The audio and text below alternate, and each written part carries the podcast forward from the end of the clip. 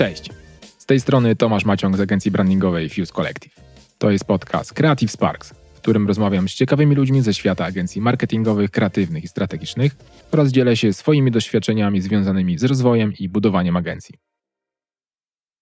Nowy ład może namieszać trochę w biznesach kreatywnych i pewnie część osób zastanawia się, czy jakimś wyjściem z sytuacji może być na przykład działanie w formie spółki ZO. Jednocześnie zdaję sobie sprawę, że dla niektórych to może być trochę taki tajemniczy twór, który wymaga dużej ilości formalności i papierologii. Także temat jest bardzo na czasie, więc postanowiłem podzielić się takimi praktycznymi aspektami prowadzenia agencji w formie spółki ZO, ale też pokazać na naszym przykładzie, jakie są różnice w porównaniu do działalności gospodarczej. No bo na co dzień mam do czynienia właśnie z tymi dwoma formami biznesu. Z jednej strony jestem wspólnikiem i prezesem agencji Fuse Collective, która działa właśnie jako spółka ZO, a z drugiej strony świadczę na rzecz spółki i jej klientów usługi prowadząc jednoosobową działalność gospodarczą. Przy okazji opowiem też trochę o konsekwencjach, jakie przyniesie nowy ład w kontekście właśnie naszego biznesu. Jeśli natomiast interesuje Cię temat formalności czy dokumentacji związanej z prowadzeniem spółki, to wysłuchaj odcinka do końca, bo może będę mógł jakoś pomóc w tym zakresie. I tutaj mały disclaimer, żeby była jasność, nie jest to kompleksowy przewodnik po spółce ZO i ten materiał nie ma też charakteru porady prawnej czy podatkowej. Po prostu powiem o swoich doświadczeniach w tym temacie. Chyba największą różnicą między spółką ZO a jednoosobową działalnością jest to, jak trzeba patrzeć na pieniądze i majątek spółki. Wynika to z tego, że spółka z ograniczoną odpowiedzialnością ma osobowość prawną, czyli pieniądze lub majątek, który posiada, są jej własnością. W jednoosobowej działalności no, pieniądze, które są na koncie, są moje, więc mogę sobie nimi dowolnie dysponować. Natomiast jeśli chcę wypłacić jakieś pieniądze z konta spółki, to muszę mieć do tego udokumentowaną podstawę prawną. W rozliczeniach z innymi firmami no to działa normalnie, bo, bo mam faktury, umowy czy, czy paragony i na tej podstawie mo mogę dokonywać płatności. Jeśli jednak chcę wypłacić pieniądze sobie jako wspólnikowi, to, to również muszę mieć jakąś podstawę prawną. E, I takich możliwości rozliczania się na linii wspólnik-spółka mam kilka. Ten pierwszy i oczywisty to wypłata dywidendy. Czyli jeśli spółka wypracowała zysk, to może się nim podzielić ze wspólnikami e, i to oni na zgromadzeniu wspólników mogą podjąć, decyzję, jak ten podział zysku będzie wyglądał. Minusem takiego rozwiązania jest podwójne opodatkowanie, no bo jeśli spółka miała zysk, no to najpierw musi zapłacić CIT, czyli podatek od osób prawnych. W naszym wypadku byłoby to 9%, bo w oczach prawa jesteśmy tak zwanym małym podatnikiem, mamy przychody poniżej 1-2 e, miliona euro, więc korzystamy z tej preferencyjnej stawki podatku. A potem wspólnik będzie musiał zapłacić PIT, czyli podatek od osoby fizycznej, od właśnie tej wypłaconej jemu dywidendy. No i to w zasadzie zamyka opcję wypłaty zysku w takiej bezpośredniej formie. Kolejna grupa możliwości rozliczania się ze spółką dotyczy wypłaty wynagrodzenia, jeśli ja jako wspólnik wykonuję dla spółki jakąś pracę. I, tu mam do dyspozycji wszystkie normalnie dostępne opcje, jak każdy inny pracownik, czyli mogę pracować w spółce na umowę o pracę, na umowę zlecenie, czy, czy nawet na umowę o dzieło ale mogę też rozliczać się ze spółką, no wystawiając jej faktury ze swojej działalności gospodarczej. Oprócz tego są też opcje specjalnie przeznaczone dla spółek. Wspólnik może na przykład wynajmować spółce nieruchomości, sprzęt, no i to jest opodatkowane na zasadach ryczałtu. Z tego co czytałem, Nowy Ład wprowadził tutaj zmiany, które mają ograniczyć możliwość wypłacania sobie w ten sposób tak zwanej ukrytej dywidendy, gdy takie koszty podchodzą, pochodzą od osób powiązanych ze spółką. Do niedawna na przykład wspólnik lub y, jego małżonka lub małżonek mogli wynająć spółce na przykład biuro, co obniżało zysk spółki. Teraz są na to jakieś ograniczenia. No w takim prostym wydaniu spółka nie zawsze będzie mogła sobie wrzucić te rzeczy w koszty. Te przepisy, z tego co czytałem, wejdą w życie chyba dopiero od roku 2023, więc, więc tutaj w tym zakresie trochę, trochę się zmieni. Akurat z tej metody bezpośrednio nie korzystałem. Kolejna opcja rozliczania jest dostępna tylko dla członków zarządu, no ale w sumie to jest dość popularne, szczególnie w tych mniejszych firmach, no bo wspólnicy są jednocześnie często też członkami zarządu. Tak jest też w naszym przypadku. Ogólnie zarząd nie musi pobierać ze spółki żadnego wynagrodzenia, ale może też pracować normalnie na umowie o pracę czy na jakimś kontrakcie menedżerskim. Natomiast członkowie zarządu mają tu jeszcze dodatkową opcję wynagrodzenia z tak zwanego tytułu powołania do zarządu. Tutaj zgromadzenie wspólników decyduje o wysokości i formie wypłacania takiego wynagrodzenia i to może być zarówno jednorazowa, i, jak i cykliczna jakaś forma wypłaty. E, no z tego co słyszałem, była to dość popularna opcja, bo takie wynagrodzenie nie było składkowane i trzeba było od niego zapłacić tylko podatek. Więc zdarzało się na przykład, że członkowie zarządu na koniec roku wypłacali sobie takie jednorazowe wynagrodzenia właśnie w tej formie, na, na przykład jako bonus zamiast wypłacania sobie dywidendy. żeby uniknąć właśnie tego podwójnego opodatkowania. E, I tutaj Nowy Ład trochę namieszał, bo po nowym roku e, pojawi się składka zdrowotna w wysokości 9%, na której też nie można wrzucić w koszty. No i mimo, że nadal nie będzie trzeba płacić e, tych wszystkich pozostałych składek ZUS od tego wynagrodzenia, no to to 9% składki zdrowotnej powoduje, że, że koszty takiego rozwiązania bardzo mocno wzrosną. Zanim przejdę do dalszej części odcinka, pozwolę sobie na odrobinę autopromocji, bo Creative Sparks poza podcastem to również newsletter i blog, gdzie udostępniam darmowe narzędzia, z których sam na co dzień korzystam w swojej agencji. Zebrałem je na stronie creativesparks.pl łamane przez narzędzia, a znajdziesz tam m.in. kalkulator bazowej stawki godzinowej, który pomoże Ci wyliczyć stawkę godzinową, poniżej której nie powinno się schodzić. Jest tam też przewodnik dla kreatywnych po content marketingu, który pokazuje case study, jak my w agencji doszliśmy do około 200 zapytań rocznie właśnie dzięki content marketingowi. No jest też mój poprzedni szablon umowy ramowej z przeniesieniem praw autorskich.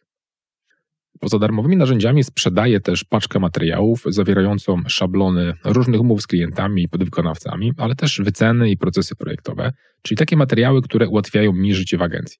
Myślę, że to jest dość unikalny produkt, bo udostępniam dokładnie te same dokumenty, których sam używam w agencji. Także wszystko powstało na bazie realnych projektów, no i też zostało przetestowane z naszymi klientami. Paczka ma aktualnie dwa pakiety dla agencji lub dla freelancera i znajdziesz ją pod adresem creativesparks.pl łamane przez umowy. I to było tyle autopromocji, więc wracamy do tematu odcinka. Ostatnią opcją dostępną dla wspólników jest otrzymywanie wynagrodzenia za tak zwane powtarzające się świadczenia niepieniężne. Tymi świadczeniami mogą być na przykład różnego rodzaju usługi, czy jakieś dostarczanie towarów, albo jakieś inne formy, które nie mają takiego czysto pieniężnego czy finansowego wsparcia. I takim prostym przykładem może być na przykład, gdy jeden ze wspólników, nie wiem, dwa razy w miesiącu albo raz w tygodniu świadczy dla spółki na przykład usługi księgowe albo doradcze, albo, albo robi jakieś tłumaczenia czy, czy jakieś szkolenia. Te rzeczy muszą mieć charakter powtarzalny, czyli odbywać się właśnie wiem, co dwa tygodnie, raz na kwartał, w jakimś takim konkretnym, zdefiniowanym okresie. I taką możliwość trzeba też zdefiniować w umowie spółki. No sama konstrukcja tych zapisów jest pewnie dosyć, dosyć ważna, żeby właśnie określić ten zakres i powtarzalność tych, tych działań. No oczywiście sam wspólnik musi też wyrazić zgodę na taki układ, no bo umowa spółki będzie go zobowiązywała do wykonywania tego typu pracy, więc on musi też zagłosować za uchwałą, która wprowadzi taki odpowiedni zapis do umowy. I za taką pracę wspólnik będzie otrzymywał wynagrodzenie, e, przy czym ono nie może być wyższe niż stawki rynkowe. To rozwiązanie jest o tyle ciekawe, że aktualnie nie jest oskładkowane i nie zmienia się to również w Nowym Ładzie, więc do zapłaty będzie tylko podatek. I teraz opowiem, jak to wygląda u mnie, jeśli chodzi o rozliczanie się ze spółką. E, tak jak wspomniałem, prowadzę działalność gospodarczą, więc rozliczam się ze spółką e, fakturami za wykonane usługi. Ja jestem strategiem i projektantem User Experience, więc te rzeczy po prostu fakturuję na firmę. E, I to jest jedna połowa mojego wynagrodzenia. Natomiast druga jest wypłacana co miesiąc z tytułu powołania do zarządu. No i u mnie to była dość naturalna konstrukcja, no bo rzeczywiście zajmuję się zarówno prowadzeniem spółki, no i jednocześnie też pracuję przy projektach dla, dla klientów. Tutaj też ważne było, żeby moja działalność nie miała w swoim zakresie żadnych pozycji z PKD związanych bezpośrednio z zarządzaniem, no bo wtedy mógłby się pojawić problem z zakwalifikowaniem, czy ja daną pracę wykonuję na rzecz spółki jako prezes, czy jako działalność gospodarcza. Oczywiście największym plusem tej konstrukcji no, były te niższe koszty, bo od połowy wynagrodzenia no, nie płaciłem składek. W moim przypadku te oszczędności były spore, bo wynosiły no, ładne kilka tysięcy złotych rocznie, także no, były to dobre wakacje. Niestety po wejściu nowego ładu no, pojawia się ta składka zdrowotna w wysokości 9%, więc wszystkie te oszczędności wyparują. Ja sobie to przeliczyłem w różnych wariantach, no i dalsze stosowanie tej konstrukcji w takim układzie nie bardzo ma dla mnie sens ale może też opowiem, jak ja myślę o doborze takiej odpowiedniej formy rozliczania się ze spółką, łącząc to gdzieś przy okazji z próbą optymalizacji kosztów. Bo pamiętam, że, że gdy rozmawiałem z prawnikami i tworzyliśmy ten obecny model rozliczania, to bardzo zwracali uwagę na to, żeby przy okazji optymalizacji nie powstał jakiś twór, który będzie daleko, daleki od stanu faktycznego. Na papierze możemy sobie coś zapisać, ale takie sztuczne twory jest bardzo łatwo zakwestionować. A jeśli formę rozliczania zakwestionuje ZUS i na przykład uznają, że faktycznie to, co robię, powinien robić na przykład na umowie o pracę, a nie na tej formie, która tutaj była napisana na papierze, no to po kontroli mogą nałożyć na spółkę zaległe składki za 5 lat wstecz. No i taka decyzja w zasadzie może położyć każdy biznes. Także przy okazji próby optymalizacji zawsze patrzę też na potencjalne ryzyka i konsekwencje tego typu decyzji. No tutaj dobrze mieć zaufanego prawnika, który szczerze powie, jakie są te najgorsze scenariusze. Ja na pewno będę zmieniał formę rozliczania, bo tak jak powiedziałem, no ta obecna nie będzie już optymalna. Dość ciekawie wygląda ścieżka za tak zwane powtarzające się świadczenia niepieniężne, no bo są takie rzeczy w spółce, które muszą się wydarzyć, ale jednocześnie dotyczą ani zarządzania, czyli mojego bycia w zarządzie, ale też nie są związane z moją działalnością gospodarczą, czy nie są związane z projektowaniem, czy, czy user experience, czy ze strategią. Mm, także eksploruję sobie już tą opcję z prawnikami, żeby sprawdzić, e, czy i w jakiej formie dałoby się u nas wykorzystać. Potencjalnie mógłbym zrezygnować z działalności gospodarczej i rozliczać się tylko jako prezes zarządu z tytułu powołania. No tutaj korzyści finansowe były naprawdę duże, tak? bo odeszłyby wszystkie koszty związane z ZUS i z działalnością. No nie odkładałbym wtedy zupełnie nic na emeryturę, mm, ale w skali rocznej oszczędności byłyby gdzieś na poziomie 15, 16, no, ładnych kilkunastu procent, więc, więc to już były naprawdę spore kwoty. Ale w mojej sytuacji to byłoby jednak przynajmniej na dziś trochę naciągane, no bo nadal współpracuję z klientami, więc za tą pracę muszę się jakoś ze spółką rozliczać. Natomiast jeśli podjąłbym decyzję, że skupiam się tylko na zarządzaniu, no to pewnie chętnie bym taką ścieżkę rozważył. Jeśli chodzi o moją działalność gospodarczą, no to raczej tutaj nie myślę o zmianie formy na spółkę ZO. E, jest to jedna z, z tych możliwych opcji, czyli założenie spółki ZO kolejnej i rozliczanie się z nią na przykład z tytułu powołania do zarządu, gdzie tam jest tylko składka zdrowotna. Ale przecież ta moja nowa spółka będzie musiała sprzedawać usługi do mojej agencji. Czyli ktoś te usługi musi jej wykonać, tak, żeby ona mogła je dalej sprzedawać. Natomiast wynagrodzenie z tytułu powołania jest za zarządzanie spółką, a nie wykonywanie jakichś innych usług. No i pewnie tutaj można dalej kombinować, na przykład za usługi projektowania, rozlicza się ze spółką na podstawie, nie wiem, umowy zlecenie czy umowy o dzieło, ale to gdzieś tam niesie już ze sobą jakieś kolejne dalsze konsekwencje. No poza tym ja cały czas potrzebuję działalności gospodarczej też do innych celów, więc no niekoniecznie potrzebuję z niej rezygnować. Także jeśli myślisz o optymalizacji, to ja sugeruję wsparcie się prawnikami, bo na pewno rzucą światło na wiele spraw, z których sobie nie zdajesz sprawy. A po rozmowach z naszymi prawnikami wiem, że te tematy są wielowymiarowe, bo dotykają wielu ustaw jednocześnie. Więc warto choćby znać właśnie takie konsekwencje decyzji, żeby można było ocenić poziom ryzyka w porównaniu do tych potencjalnych korzyści.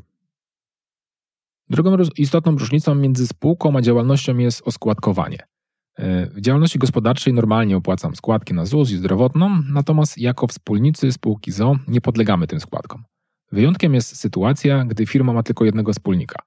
W oczach ZUS jest to traktowane jako działalność gospodarcza, co wiąże się z koniecznością odprowadzania składek właśnie dla tego wspólnika. No tego problemu nie ma, gdy jest więcej niż jeden wspólnik, ale też trzeba pamiętać, żeby ta dysproporcja udziałów między dwoma wspólnikami no nie była czystą iluzją, bo to też może zostać zakwestionowane przez ZUS. Więc układy typu, że no jeden wspólnik ma 99% udziałów, a drugi jeden, no są raczej mało bezpieczne e, i takie rzeczy są kwestionowane przez e, ZUS. No nie ma tutaj jakichś konkretnych zapisów w prawie, które by dotyczyły tych proporcji, ale z tego co pamiętam z rozmów z prawnikami, to jakieś tam 10% udziałów e, drugiego wspólnika już było ok. Trzecią dużą różnicą jest księgowość. Tak? No, w działalności gospodarczej mamy formę w postaci księgi przychodów i rozchodów, no w spółce jest pełna księgowość. E, to też przekłada się na koszty księgowości, no bo w działalności one są zdecydowanie mniejsze, tak? Pewnie gdzieś tam zaczynają się od 150 zł. Natomiast w spółce no jest zdecydowanie drożej i to mocno zależy też od ilości dokumentów. My od niedawna mamy księgowość online dla spółek e, ZO prowadzoną przez Infact. E, mamy chyba około między 50 a 80 dokumentów miesięcznie i płacimy tam około 900 zł. Działa to całkiem fajnie. No ja sobie tam wystawiam faktury, wrzucam sobie też tam skany i PDFy z, z fakturami kosztowymi. Księgowy ma dostęp do naszego konta i do tych wszystkich dokumentów, więc on na podstawie tego sobie wszystko księguje. Ja potem dostaję wynik, co mam zapłacić, e, jakie podatki i takie rzeczy. Przy małej ilości dokumentów ta cena księgowości no pewnie może być sporo niższa, ale i tak będzie to bardziej kosztowne niż w działalności gospodarczej. Ta pełna księgowość może wyglądać e, dość strasznie, ale dla mnie z takiego praktycznego punktu widzenia, no ona się jakoś mocno nie różni. I tak mam osobę, czyli księgowego, który się tym zajmuje, więc w razie czego, jak czegoś nie wiem, to po prostu pytam. No moim zadaniem w tym wszystkim jest dostarczenie dokumentów i muszę pamiętać, żeby mieć potwierdzenia dla tych wszystkich operacji, które się wydarzyły na koncie. Ja też co miesiąc wysyłam księgowemu wyciąg z konta i on też sprawdza, czy dostał wszystkie moje faktury. Po zakończeniu roku księgowy przygotowuje sprawozdanie finansowe no i to jest pewnie jeden z tych bardziej złożonych dokumentów z dużą ilością tabelek i opisów.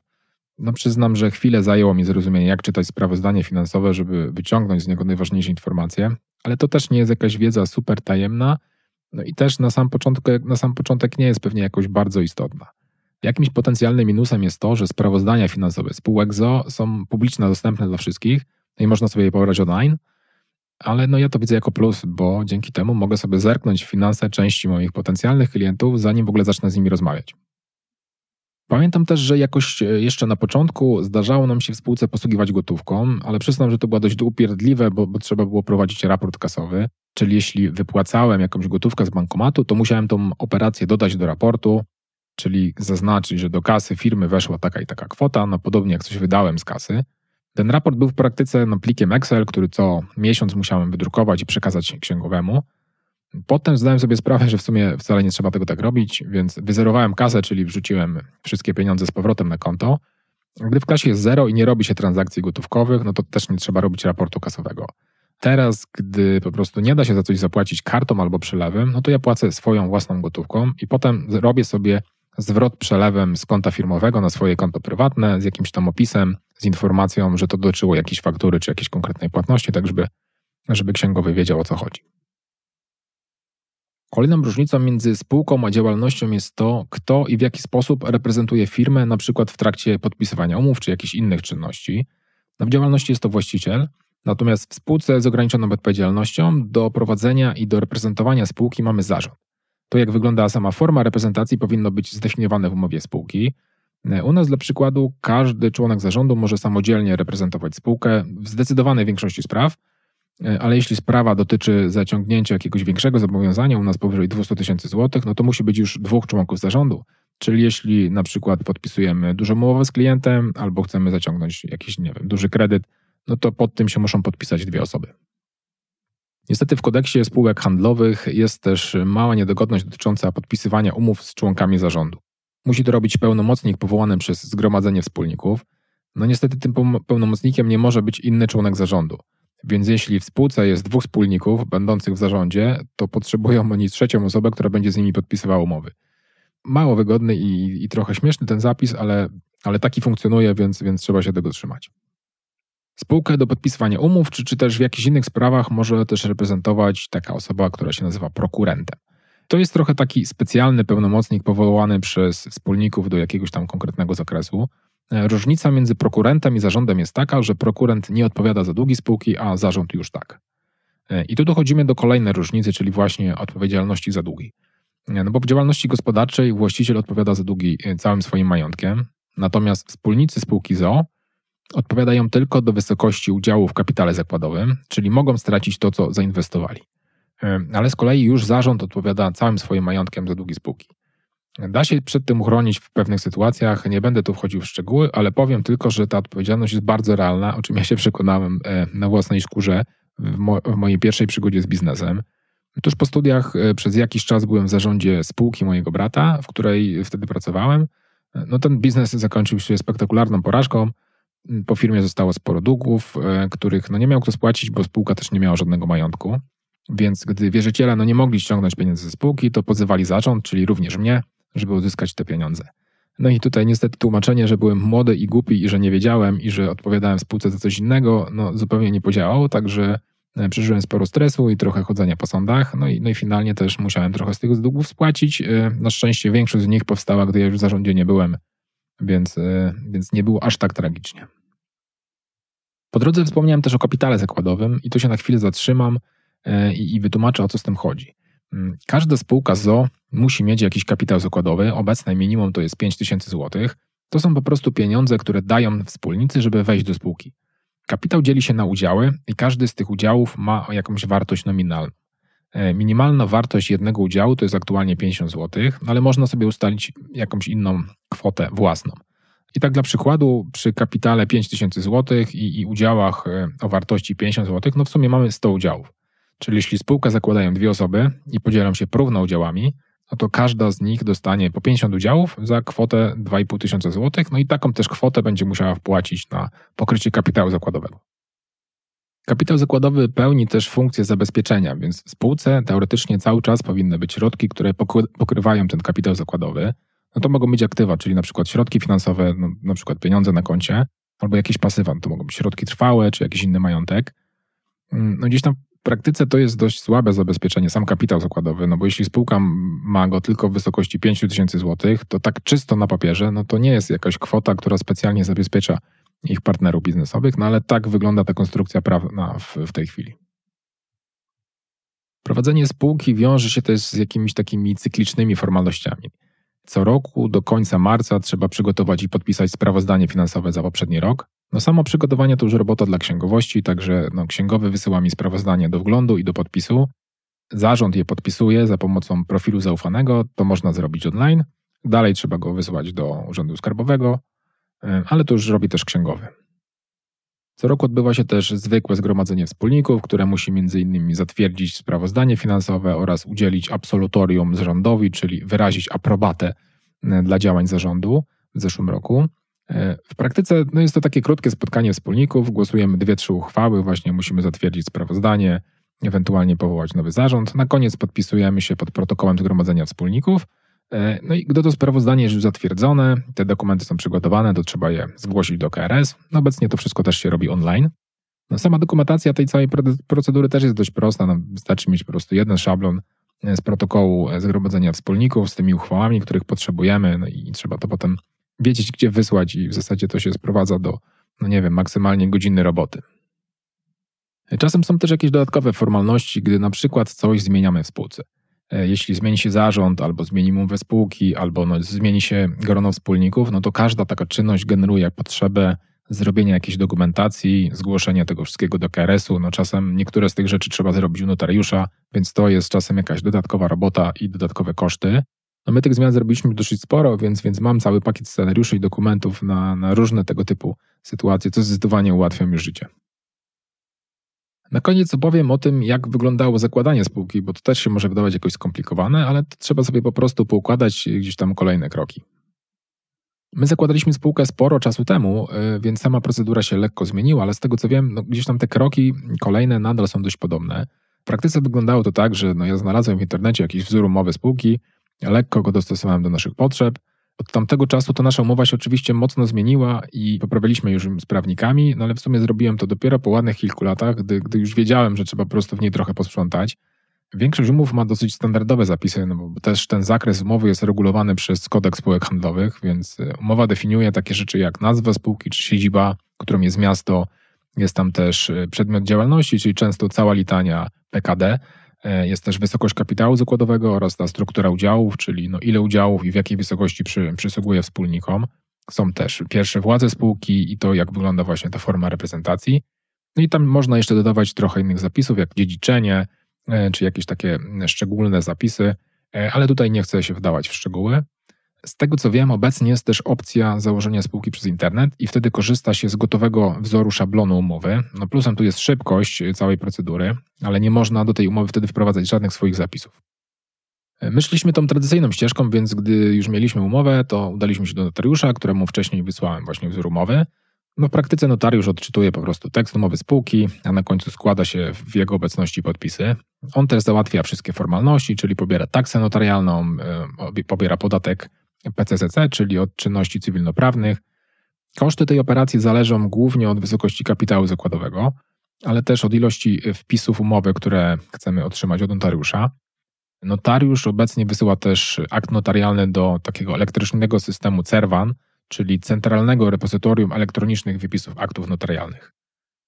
Kolejnym krokiem w tej całej operacji było zgłoszenie spółki do KRS, czyli Krajowego Rejestru Sądowego. No ja się musiałem fizycznie udać do KRS i złożyć tam dokumenty. Teraz z tego co wiem, można to wszystko też zrobić przez internet. Wpis do KRS jest płatny. E, jedna opłata dotyczy samego wpisu, a druga opłata dotyczy ogłoszenia w monitorze sądowym i gospodarczym. To jest taki ciekawy twór, który publikuje te informacje o, o zmianach i o informacjach o spółkach. E, w praktyce no najwygodniej zrobić przelew na konto KRS na tą daną kwotę i dołączyć po prostu do, do tego wniosku potwierdzenie. Ja też oddzielnie musiałem składać wnioski o NIP do Urzędu Skarbowego i Oregon do GUS-u, mm, ale teraz jest ta idea jednego okienka i z tego co kojarzę, chyba wszystko załatwia się już podczas jednego zgłoszenia do KRS. Od momentu podpisania umowy do momentu uzyskania tego wpisu po złożeniu wniosku do KRS, spółka ma status spółki w organizacji. Czyli jest takim tworem, tworem trochę przejściowym. Jest to o tyle przydatne, że można już prawie normalnie funkcjonować, e, a przede wszystkim załatwić formalności, które warto zrobić jeszcze przed dokonaniem wpisu do KRS, żeby potem nie trzeba było robić zmian. E, dla mnie pierwszym działaniem było założenie konta bankowego, e, potem podpisanie umowy na wirtualne biuro, bo wtedy jeszcze pracowaliśmy zdalnie, a spółka musi mieć adres siedziby. No i też trzeba było podpisać umowę z księgową. Ogólnie przed uzyskaniem wpisu do KRS dowodem na istnienie spółki jest odpis aktu notarialnego z umowy spółki od notariusza właśnie, więc musiałem go gdzieś tam wszędzie ze sobą zabierać. Natomiast w banku musieli się też pojawić wszyscy wspólnicy oraz zarząd, żeby można było im dać wszystkim dostęp do konta. I ja te trzy rzeczy, czyli założenie konta, załatwienie księgowości i adresu, załatwiłem jeszcze przed wysłaniem zgłoszenia do KRS, no bo w, w tym zgłoszeniu trzeba właśnie podać adres spółki oraz miejsce przechowywania przykład dokumentacji księgowej. Chociaż tym miejscem, gdzie się przechowuje dokumentację księgową, może być też y, siedziba spółki i tak mamy obecnie, no bo korzystamy z księgowości online Infact, więc wszystkie dokumenty księgowe rzeczywiście trzymamy w spółce. Samo założenie konta było tyle ważne, że do wniosku w KRS trzeba dołączyć oświadczenie zarządu, że kapitał zakładowy został w całości wpłacony. Także no, gdy nasza spółka miała już konto, to po prostu każdy z nas wpłacił na nie swoją część kapitału zakładowego, no i wtedy mogłem spokojnie złożyć oświadczenie, że te kapitały zostały wpłacone. My zaczęliśmy we czwórkę i u nas kapitał zakładowy wynosił 9800 zł i też zaraz powiem, dlaczego akurat tyle. Udziały mieliśmy na minimalnym możliwym poziomie, czyli e, po te 50 zł, więc nasz kapitał zakładowy dzielił się na 196 udziałów i każdy z nas dostał właśnie z puli taką samą ilość udziałów. Więc każdy miał po 25% udziałów, czyli liczbowo mieliśmy 49 udziałów na głowę i wartość tych udziałów dla każdego była 2450 zł, czyli na początek każdy z nas taką kwotę przelewał. My startowaliśmy od zera, więc, więc na początek no, spółka nie miała żadnych przychodów, ale mimo wszystko potrzebowała środków choćby na biuro czy na księgową. E, no na koncie mieliśmy to 9800 zł kapitału zakładowego, no, ale w zasadzie, no tak jak wspomniałem, tych pieniędzy raczej się nie powinno ruszać na takie bieżące wydatki, bo kapitał zakładowy pełni funkcję zabezpieczenia i teoretycznie cały czas powinno być pokrycie tej kwoty w środkach pieniężnych czy w majątku. No tego oczywiście nikt nie sprawdza, tak? Nikt nie zagląda do konta, żeby sprawdzać, czy mamy pokrycie w kapitale zakładowym, ale braki w kapitale zakładowym trzeba potem też opisać w sprawozdaniu finansowym. Ja też po moich doświadczeniach e, z poprzedniego biznesu podchodzę do takich rzeczy trochę bezpiecznie, więc nie chciałem ruszać kapitału zakładowego, ale nasza firma też potrzebowała pieniędzy na działanie, więc no musieliśmy jakoś jej zapewnić takie dodatkowe środki poza kapitałem zakładowym. E, no tutaj jest kilka opcji. Wspólnik może na przykład pożyczyć spółce pieniądze, a my wybraliśmy trochę inną ścieżkę przez podwyższenie kapitału zakładowego. E, podnieśliśmy go symbolicznie, tak, bo 200 zł, czyli utworzyliśmy cztery nowe udziały, e, po 50 zł każdy. Każdy z nas e, te nowe udziały objął po jednym, więc po tej zmianie kapitał zakładowy był podniesiony do kwoty 10 tysięcy złotych. Cały trik polegał na tym, że każdy z nas za ten jeden udział zapłacił 7550 zł tak jak mówiłem, wartość nominalna udziału to 50 zł. Czyli to 50 zł z tej kwoty szło na kapitał zakładowy, a cała reszta, czyli 7500, trafiało na kapitał tak zwany zapasowy. Dzięki temu mieliśmy w sumie na koncie kwotę 40 tysięcy złotych, 10 to był kapitał zakładowy, a 30 to były te dodatkowe środki, którymi mogliśmy normalnie dysponować e, właśnie w formie kapitału zapasowego. I to chyba tyle, jeśli chodzi o takie praktyczne aspekty oraz różnice między spółką a działalnością. Przez, y, przez te ponad 10 lat nasza spółka przeszła naprawdę różne transformacje, w tym zwiększanie i obniżanie kapitału zakładowego, odchodzenie i dołączanie wspólników. Kilka razy zmieniliśmy umowę spółki. Także przez ten okres przeszedłem naprawdę sporo różnych scenariuszy postępowania oraz przygotowałem sobie sporo dokumentów dotyczących załatwiania tych wszystkich formalności. No pewnie już są w internecie miejsca, gdzie takie rzeczy możesz sobie kupić ale pomyślałem, że może byłoby dla Ciebie wartościowe zobaczenie, jak to wygląda właśnie u mnie w kontekście mm, naszej agencji. E, także zastanawiam się nad jakąś formą komercyjnego udostępnienia e, tych materiałów w jakiejś jednej paczce z różnymi właśnie tymi wszystkimi scenariuszami, z instrukcjami i z dokumentami. No, czyli taki skrót na początek, żeby nie spędzać dużo czasu na szukanie tego wszystkiego w internecie i tworzeniu tego wszystkiego mm, od podstaw. Pomysł zrodził się dość spontanicznie, więc, więc na początek chcę wybadać zainteresowanie takim produktem. Mm, ale też zorientować się, w jakim zakresie tutaj mógłbym Ci pomóc. Jeśli coś takiego Cię interesuje, to na stronie odcinka creativesparks.pl łamane przez 015 możesz zapisać się na powiadomienie y, i odezwę się do Ciebie, gdy ruszę dalej z tematem, gdy sobie przemyślę, jak to można było wszystko y, zrobić. Ewentualnie możesz też napisać do mnie bezpośrednio na tomaszmałpa.creativesparks.pl, szczególnie jeśli któreś z tych zagadnień, o których dzisiaj mówiłem, są dla Ciebie ciekawe, ewentualnie coś wymaga e, dalszego wyjaśnienia, bo no tak jak wspomniałem, nie jest to kompleksowy poradnik o spółce ZO. Specjalnie też e, pewne treści tutaj uprościłem, bo każda, każda z tych kwestii jest jakby wielowątkowa i trzeba było wejść w szczegóły, które mogą być dla niektórych wartościowe, także daj znać, jeśli chciałbyś się dowiedzieć czegoś więcej. Notatki do tego odcinka znajdziesz pod adresem creativesparks.pl łamane przez 015. Zachęcam do subskrypcji podcastu tam, gdzie go aktualnie słuchasz. Informacje o nowych odcinkach na pewno będą pojawiały się na Facebooku agencji Fuse Collective, na Facebooku Creative Sparks oraz w newsletterze. Jeśli macie jakieś pytania albo po prostu chcecie się do mnie odezwać, zachęcam do napisania maila na tomaszmałpa.creativesparks.pl. Cześć i do usłyszenia w kolejnym odcinku.